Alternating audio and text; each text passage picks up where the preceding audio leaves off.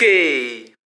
Gini gini, sebelum kita masuk ke dalam podcast lebih dalam ya, kita akan eh, tepatnya saya akan menjelaskan atau menceritakan kejadian horor di podcast ini. Nggak hanya horor sih, tapi ya kejadian goblok sekali. Ya memang agak sedih tapi kita tolol, mau nangis tapi kita ya ya goblok gitu loh. Gini ceritanya teman-teman. Eh, kita kan waktu episode 2 itu kan sangat semangat ya mau eh, tapping, tapping episode 2. Kita semangat berapi-api waktu part 2 mau habis tappingnya kita baru sadar kalau mic-nya itu belum dicolok kan Iya, goblok iya kan gitu loh. goblok gitu loh. Sudah panjang-panjang, udah malam ngantuk gitu loh. Gitu. sudah eh, berupaya mencari mic yang agak proper tapi kita kenapa gak colok gitu loh tahu gitu kita pakai mic headset gitu. Iya, kan sama saja. Jadi gini gini gini. Ya untuk membantu kami lah agar membeli mic, mixer dan segala hal agar tidak colak colok colak colok. Nanti kan keenakan kan susah kitanya ya. Bisa sawer kita lah ya tentunya di Saweria bisa melewat GoPay, OVO Dana link aja ya agar kita lebih proper nantinya. Ya kisah sedih tadi tolong dijadikan eh, pelajaran ya untuk kita sendiri terutama dan untuk para pendengar jangan mendengarkan saja kita butuh uang gitu. Iya, nah ujung-ujungnya duit gitu. Gitu. Tapi nggak kita ikhlas kok, sabar sabar. Oke sabar ya oke lanjut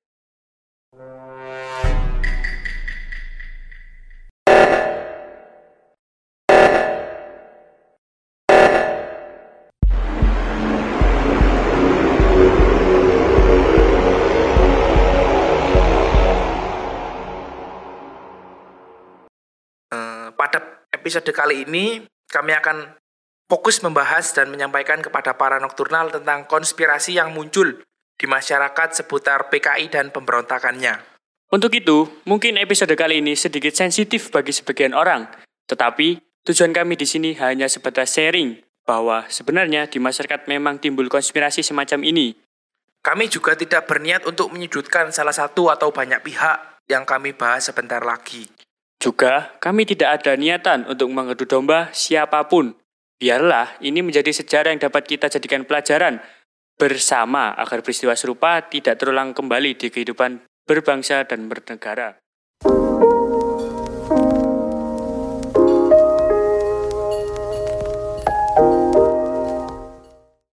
Konspirasi yang pertama datang dari Ketua PKI, DN Aidit. Masyarakat pada saat itu banyak menafsirkan kematian DN Aidit. Mulai dari tafsiran yang pertama bahwa DN Aidit dieksekusi dengan dibakar atau dibom bersama dengan tempat persembunyiannya yang terakhir. Dan yang kedua, DN Aidit dibiarkan hidup bebas, akan tetapi ia harus dengan identitas yang berbeda. Kedua konspirasi tersebut dilandasi dengan pertanyaan yang ramai di masyarakat pada saat itu, yakni mengapa pusara DNA Edit tidak ada atau tidak ditemukan. Kami bahas sedikit konspirasi tentang kematian Dipa Nusantara Aidit. Yang pertama, konspirasi pemboman pada saat eksekusi. Beberapa buku dan catatan sejarah 1965 menyebutkan kejadian seperti itu yang bersumber dari beberapa saksi yang mengetahui dan terlibat dalam eksekusi Dipa Nusantara Aidit. Mengapa dipilih bom untuk proses eksekusi? Ya karena untuk menghilangkan jejak sehingga tidak perlu dimakamkan. Memang banyak sekali versi bagaimana DNA Edit dieksekusi. Jadi, kami cukupkan sampai di sini karena dikhawatirkan akan semakin rumit pembahasannya ya. Rumit seperti kita tadi ya, Iya, kasus-kasus goblok gitu. Kegoblokan gitu loh. Kenapa masih ada kegoblokan? Lord, ayolah Lord. Lanjut ke konspirasi kematian yang kedua. Yakni DNA Edit dibiarkan hidup bebas saat eksekusi. Ia dibiarkan bebas dengan syarat identitasnya berganti dan ia harus hidup di luar negeri hingga kondisi Indonesia kondusif. Uni Soviet adalah tujuan karena ia sebagai ketua PKI di Indonesia pasti mendapat perhatian di negeri di mana komunisme berasal. Masyarakat yang percaya dengan konspirasi ini meyakini bahwa DNA Edit masih sempat berkunjung ke Indonesia pada akhir tahun 1999. Itulah yang menjadi penyebab makam DNA Edit tidak ada. Tetapi menurut kami secara pribadi, konspirasi ini tidak relevan karena anak DNA Edit sudah menyatakan bahwa ayahnya tidak pernah kembali alias telah wafat sejak saat DNID dijemput oleh Kolonel Yasir dan pasukannya pada malam operasi. Selanjutnya, kami akan mencoba menjawab pertanyaan yang timbul di masyarakat pada saat itu. Mengapa pusara DNID tidak ada atau tidak ditemukan? Jawaban menurut kami, waduh brong, brong, brong. Ya sebentar, sebentar. Brosu! Ya, menurut kami, karena dengan adanya pusara ditakutkan menimbulkan suatu romantisme para peziarah sehingga bisa memicu semangat pergerakan komunisme terulang kembali sebagai lanjutan dari perjuangan di Panusantara Edit. Oke, kita lanjut ke konspirasi berikutnya seputar pemberontakan PKI, yakni dalang dibalik peristiwa G30S 1965. Pada episode 2 disimpulkan oleh Kolonel Yasir bahwa DNA Edit adalah orang atau otak di balik peristiwa pemberontakan G30S 1965. Akan tetapi, dalang G30S 1965 masih ramai diperbincangkan di masyarakat pada kala itu. Sebenarnya siapa sih dalang di balik peristiwa G30S 1965? Beberapa konspirasi berikut menarik perhatian kami dan akan kami coba sampaikan kepada para nokturnal semampu kami. Konspirasi dalang dibalik peristiwa pemberontakan G30S 1965 terdapat empat tokoh besar di negeri ini. Yang pertama ada Bapak Presiden Soekarno karena adanya kecurigaan dengan ideologi marhenisme dan nasakomnya. Ada Jenderal Soeharto dicurigai karena tidak diculik pada malam eksekusi. Lalu Jenderal Sukendro yang namanya dicoret dari target penculikan petinggi Angkatan Darat dan tentunya yang terakhir adalah Jenderal Ahan Nasution yang sempat bersinggungan pemikiran dengan Jenderal Ahmad Yani dan pada malam eksekusi pun mampu kabur dari pasukan Cakrabirawa. Langsung kita menuju konspirasi dalam pemberontakan G30S 1965 yang pertama. Ada Bapak Presiden kita yang pertama, yaitu Bapak Insinyur Haji Soekarno. Mungkin bagi beberapa dari para nokturnal masih belum mengerti apa itu marhainisme dan nasakom.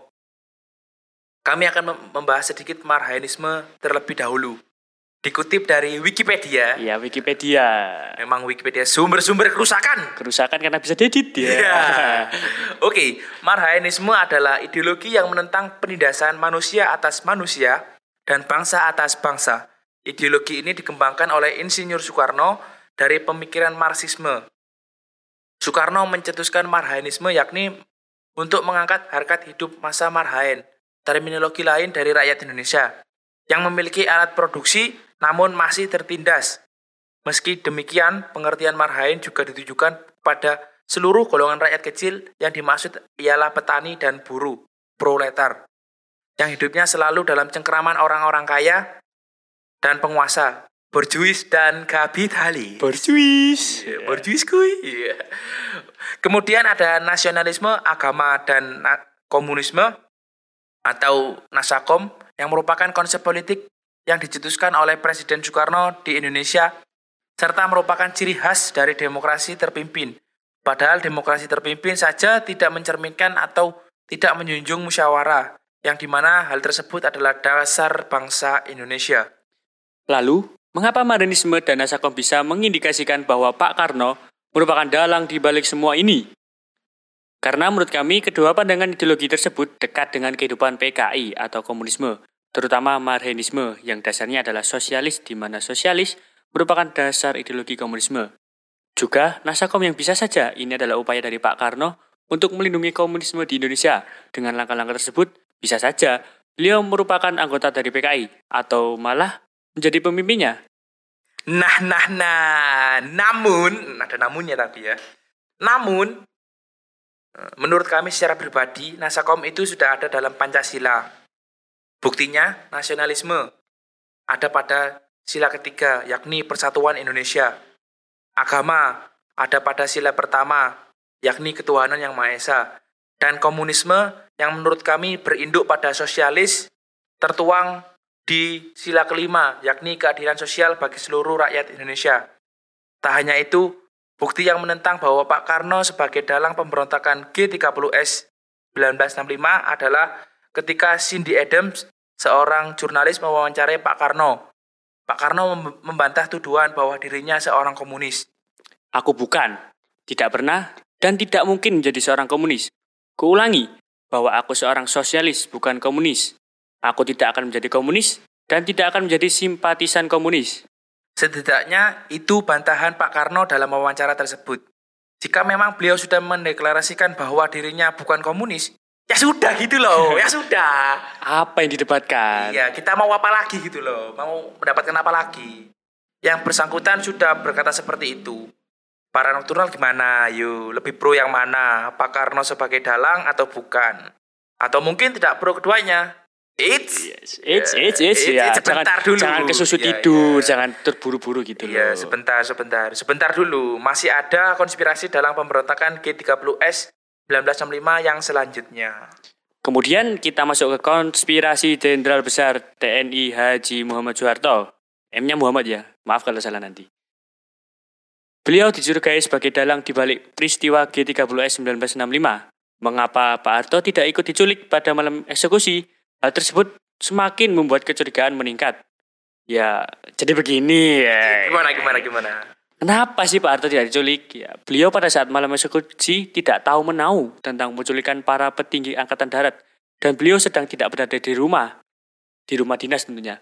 Juga memang Pak Harto adalah tipikal jenderal yang pendiam. Waduh, Sebentar, ada anak jenderal. Jenderal? Iya, sudah. Hub, hub, hub, hub, hub, hub, hub. Sudah, sudah. Yuk lanjut, Ya, Mas. Saya ulangi, juga memang Pak Harto adalah tipikal jenderal yang pendiam dan tidak ikut berkonflik antara Angkatan Darat dan PKI.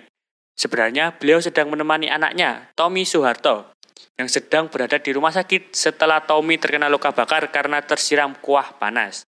Ayo kita bermain what if atau pengandaian. Misal ya, misal jika Pak Harto tidak tidak menemani anaknya di rumah sakit, lalu beliau ikut diculik dan dalam tanda kutip dieksekusi. Menurut para nokturnal, siapakah yang akan jadi presiden Indonesia setelah pemberontakan tersebut? Iya. Iya, iya siapa ya? Ya nggak tahu bang, nggak tahu bang. Iya, saya juga nggak tahu sih. Lah lo kan, bingung kan? Jika memang beliau bukan anggota dari PKI, lalu mengapa Pak Harto bisa menumpas PKI di tanah air? Penjelasan dari pertanyaan tersebut adalah karena memang TNI, AD, dan PKI merupakan rival yang ingin terjun ke dunia politik. Politik lagi, politik lagi. Memang enak dunia politik. Kan penguasa penguasa itu enak. Iya gitu loh. Menurut kami, kemungkinan Pak Harto ada di kubu komunis sangatlah kecil. Mungkin nama Bapak Soeharto selalu dikaitkan dengan peristiwa Super Semar atau Surat Perintah 11 Maret. Karena banyak kontroversi mengenai apa sebenarnya isi dari pem... Eh, gini. Ya. Gini, gini sih, sebentar. Ini, ini agak malam ya. Saya ulangi ya. Karena banyak kontroversi mengenai apa sebenarnya isi dari perintah tersebut. Apakah isinya Bapak Soekarno memerintahkan Pak Harto untuk memulihkan stabilitas keamanan dan per- pertahanan negara pasca kejadian G30S 1965? Atau surat tersebut berisi pengalihan kekuasaan yang diberikan Bapak Soekarno kepada Bapak Soeharto? Hal tersebut masih belum diketahui secara pasti. Konspirasi banyak bermunculan di masyarakat sebelum adanya bukti atau data yang konkret yang bisa dipertanggungjawabkan. Intinya, kami hanya ingin menyampaikan bahwa hal tersebut sudah usang untuk dibahas. Karena memang naskah asli Super Semar sudah tidak dapat ditemukan. Ditambah lagi dengan keadaan bangsa Indonesia yang sedang ya ya Hup, kita lanjut. ya ya gimana ya Iya, ya iya. ya para para nokturnal tahu sendirilah. Juga ada kepentingan lain yang lebih penting dan harus dibahas demi kemajuan bangsa daripada membahas isi pasti Super Semar. Jika memang salah satu dari banyak konspirasi itu terbukti, lalu apa lagi Iya, gitu loh? Lalu apa gitu loh. gitu loh? Langkah selanjutnya kan harus dipikirkan juga. Nah, gitu. Apakah kita bisa memutar kembali sejarah? Toh Bapak Soeharto dan Bapak Soekarno sudah wafat. Boleh diobrolin. Iya. Tapi kepala dingin ya. Kan Indonesia khasnya itu barbar gitu. Iya gitu. Diobrolin boleh. Yang penting eh gak usah berantem dan tetap jas merah. Jangan sekali-kali melupakan sejarah. Iya, sejarah memang penting sekali lagi. Gimana? Para nocturnal makin pusing? Ini baru dua tokoh loh. Yang sudah yang sudah dibahas kurang dua lagi. Ya. Yuk lanjut Yuk, Mas. lanjut lanjut. Ke tokoh berikutnya yang dikonspirasikan sebagai dalang G30S 1965, yakni Jenderal Sukendro. Mungkin sebagian para nokturnal cukup asing dan baru mendengar nama tersebut. Kita jelaskan secara garis besar, siapa sih Jenderal Sukendro itu? Brigjen Ahmad Sukendro merupakan mantan komandan Intel, Intel, Intel kepercayaan Jenderal Ahana Nasution yang kemudian menjadi menteri ia mengendus bahaya yang akan menyergap Presiden Soekarno. Brigjen Ahmad Sukendro adalah sosok penting di tubuh militer. Dalam buku Menguak Misteri Kekuasaan Soeharto, tulisan F.X. Baskara Tulus Wardaya disebutkan bahwa Sukendro merupakan jenderal yang dekat dengan CIA. Lantaran ia ditugaskan belajar ke Amerika Serikat, maka kedekatan dengan CIA kemudian terjalin baik. Beberapa program kerjasama TNI dan CIA bahkan berhasil lewat kemampuan komunikasinya. Namanya masuk dalam grup jenderal elit yang dekat dengan Jenderal Ahana Nasution maupun Jenderal Ahmad Yani. Bagi PKI, perwira intelektual seperti Brigjen Sukendro ini merupakan bahaya besar. Maka dari itu, Brigadir Jenderal Ahmad Sukendro menjadi salah satu target penculikan G30S 1965. Namun, namun, namun, beruntungnya Presiden Soekarno meminta Brigjen Sukendro menjadi anggota delegasi Indonesia untuk peringatan Hari Kelahiran Republik Rakyat Cina pada 1 Oktober 1965. 65. Sehingga ia lolos dan selamat dari penculikan di malam pembunuhan para jenderal. Kepergiannya menuju Republik Rakyat Cina atau RRC ya, membuat masyarakat mengkonspirasikannya sebagai dalang G30S 1965. Konspirasi tersebut tidak tiba-tiba mencuat ke permukaan, pasti ada alasan di balik konspirasi Brigjen Sukendro. Alasan yang memperkuat konspirasi ini antara lain mengapa nama Brigjen Sukendro dicoret oleh DNA Edit sebelum malam eksekusi. Mengapa Brigjen Sukendro sebagai intel yang ditugaskan Pak Karno untuk datang ke RRC? Mengapa penugasannya tepat pada 1 Oktober 1965 dekat dengan malam eksekusi? Dan ketika ia pulang dari RRC, mengapa ia menolak utusan Pak Karno untuk mengasingkan diri? apakah semua ini memang sudah direncanakan ya, gitu loh. Semua ada tanda tanyanya ya. Rumit memang. Yap, kami akan membahas sedikit beberapa pertanyaan tadi. Mengapa mengenai mengapa Brigjen Sukendro akhirnya dicoret oleh Aidit sebelum malam eksekusi. Masyarakat berspekulasi bahwa ada relasi atau hubungan antara Den Aidit dengan Brigjen Brigjen Sukendro. Jika memang relasi tersebut benar, ada kemungkinan bahwa Brigjen Sukendro, anggota sayap kiri, Swiwi kiri, atau bahkan menjadi dalang peristiwa G30S 1965. Kemudian, mengenai mengapa ia yang ditunjuk Pak Karno untuk datang ke RRC sebagai duta Indonesia dalam peringatan hari kelahiran Republik Rakyat Cina pada 1 Oktober 1965, harusnya sebagai intel yang memiliki kredibilitas tinggi, Brigjen Sukendro mengetahui dan melaporkan ke petinggi militer bahwa akan ada pemberontakan G30S 1965. Sehingga peristiwa tersebut dapat dicegah. Namun, namun selalu namun, mengapa tidak beliau di, tidak beliau laksanakan? Apakah ini adalah cara yang sengaja dilakukan untuk menghilangkan jejaknya sebagai dalang G30S 1965? Kami juga tidak tahu sebenarnya, karena tidak ada bukti konkret yang dapat menjelaskan hal tersebut. Lanjut berikutnya mengenai mengapa ia menolak utusan Pak Karno untuk mengasingkan diri Masyarakat berpendapat bahwa penolakan pengasingan dirinya menunjukkan bahwa perlindungan terhadap Brigjen Sukendro yang terjamin. Dalam hal ini, PKI yang berhasil mengkodeda pemerintah RI. Dari beberapa konspirasi yang sudah berkembang tentang Brigjen Sukendro, tentunya tidak bisa langsung kami terima secara mentah-mentah. Kami pun harus tetap kritis terhadap apa yang kami terima. Oleh karena itu, berikut beberapa sangkalan yang sudah kami siapkan untuk konspirasi Brigjen Sukendro ini, sama seperti konspirasi dalam G30S 1965 yang lain. Ya, tetap kritis harus digarisbawahi. Sangkalan yang pertama, tentang mengapa nama Brigjen Sukendro dicoret oleh DN Aidit sebelum malam eksekusi, menurut kami, karena memang Aidit pada saat itu sudah mengetahui bahwa Brigjen Sukendro sedang tidak ada di Indonesia, yakni ada di Republik Rakyat Cina. Sangkalan yang kedua, tentang mengapa Brigjen Sukendro berangkat ke RRC atau utusan Pak Karno atas utusan Pak Karno. Menurut kami, begitulah seyogyanya perwira militer yang baik, patuh terhadap panglima militer tertinggi di Indonesia, yakni Presiden Soekarno.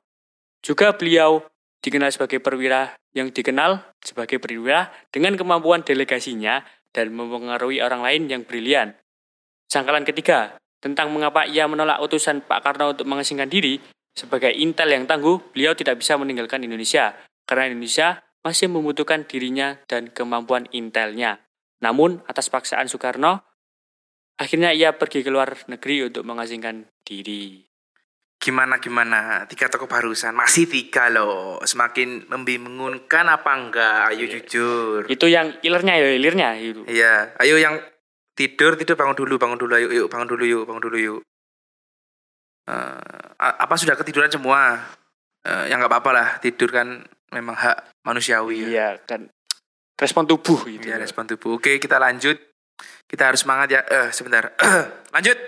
Ke konspirasi dalang dibalik peristiwa G30S 1965. Langsung kita masuk ke Jenderal Abdul Haris Nasution.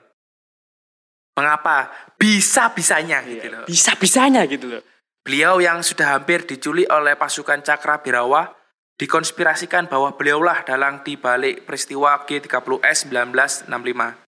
Bingung kan? Ya, ya sama kita juga bingung awalnya Ya, gitu ya, loh. Ya, ya, ya, ya, ya, gitu deh. Iya, ya sama gitu loh. Oke, jadi begini, Jadi jadi, begini, begini. jadi begini bang, gini bang. Seperti yang kami ceritakan, bukan ceritakan ya, kami sampaikan, Jenderal Ahana Nasution berhasil kabur, padahal beliau gimana ini? Jenderal Ahana Nasution berhasil kabur, padahal beliau sudah ada di kem- di kepungan Cak- tentara Cakra Birawa. Alih-alih yang berhasil diculik adalah ajudannya, Kapten Pierre Tendean dan yang saat itu mengaku sebagai eh, Jenderal Ahana Nasution.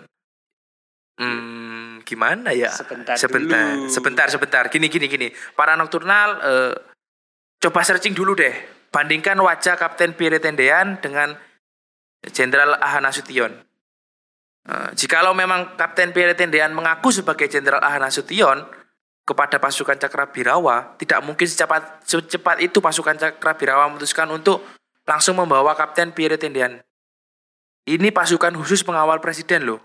Pastinya mereka sudah menggali informasi sedalam-dalamnya mengenai seperti apa dan siapa Jenderal Ahana Nasution itu. Dan sangat kecil kemungkinan salah tangkap. Mulai dari proses kaburnya Jenderal Ahana Nasution yang janggal dan memicu banyak pertanyaan di masyarakat, ditambah lagi sebelum peristiwa G30S 1965, tepatnya pada pengangkatan beliau sebagai Panglima ABRI, saat itu juga pernah berselisih dengan Panglima KSAD, yakni Jenderal Ahmad Yani. Kedua jenderal ini sempat bersih tegang dan sempat juga diajak untuk duduk bersama, tetapi tentunya keduanya menolak. Perselisihan ini belum menemui titik terang hingga peristiwa G30S 1965 terjadi. Jenderal Ahmad Yani yang merupakan satu dari tujuh jenderal korban penculikan dan pembunuhan peristiwa G30S 1965. Apakah peristiwa G30S merupakan langkah genosida Jenderal Ahmad Nasution terhadap lawannya sesama petinggi militer, yakni Jenderal Ahmad Yani? Nah, menarik bukan? Ayo. Ayo gimana ayo. Oke. Di konspirasi ini juga dijelaskan mengapa buka Je- bukan Jenderal Ahana Nasution yang menggantikan Presiden Soekarno. Karena Jenderal Ahana Nasution merupakan orang balik layar.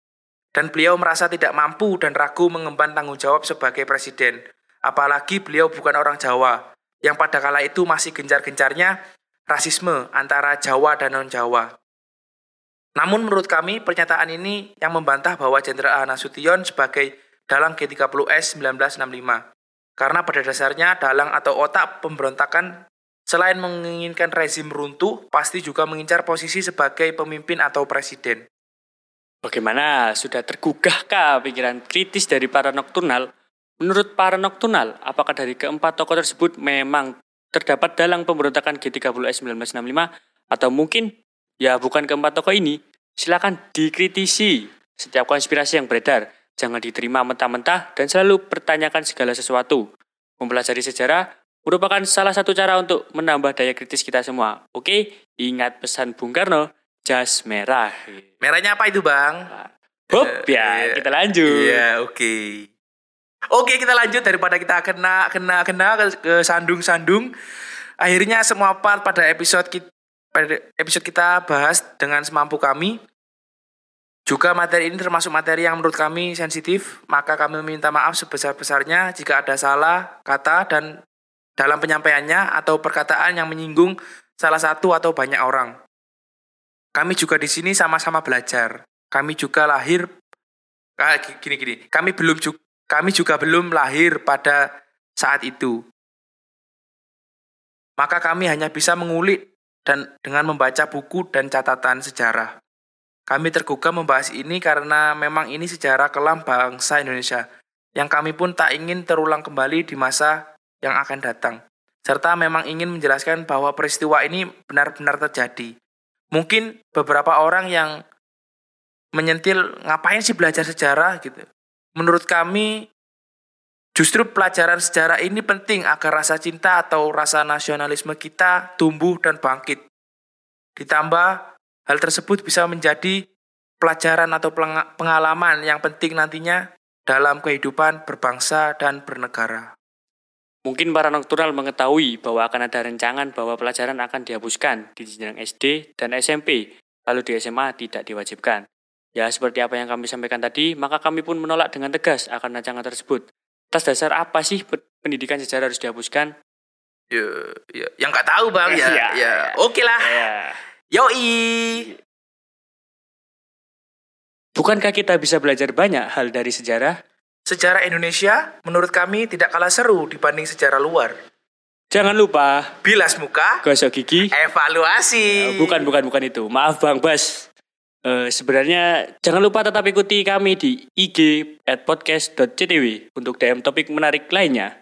So, see you later. Don't forget to always think critically. Semoga bahagia. Semoga barokah. Bye-bye. Rahayu and thank you.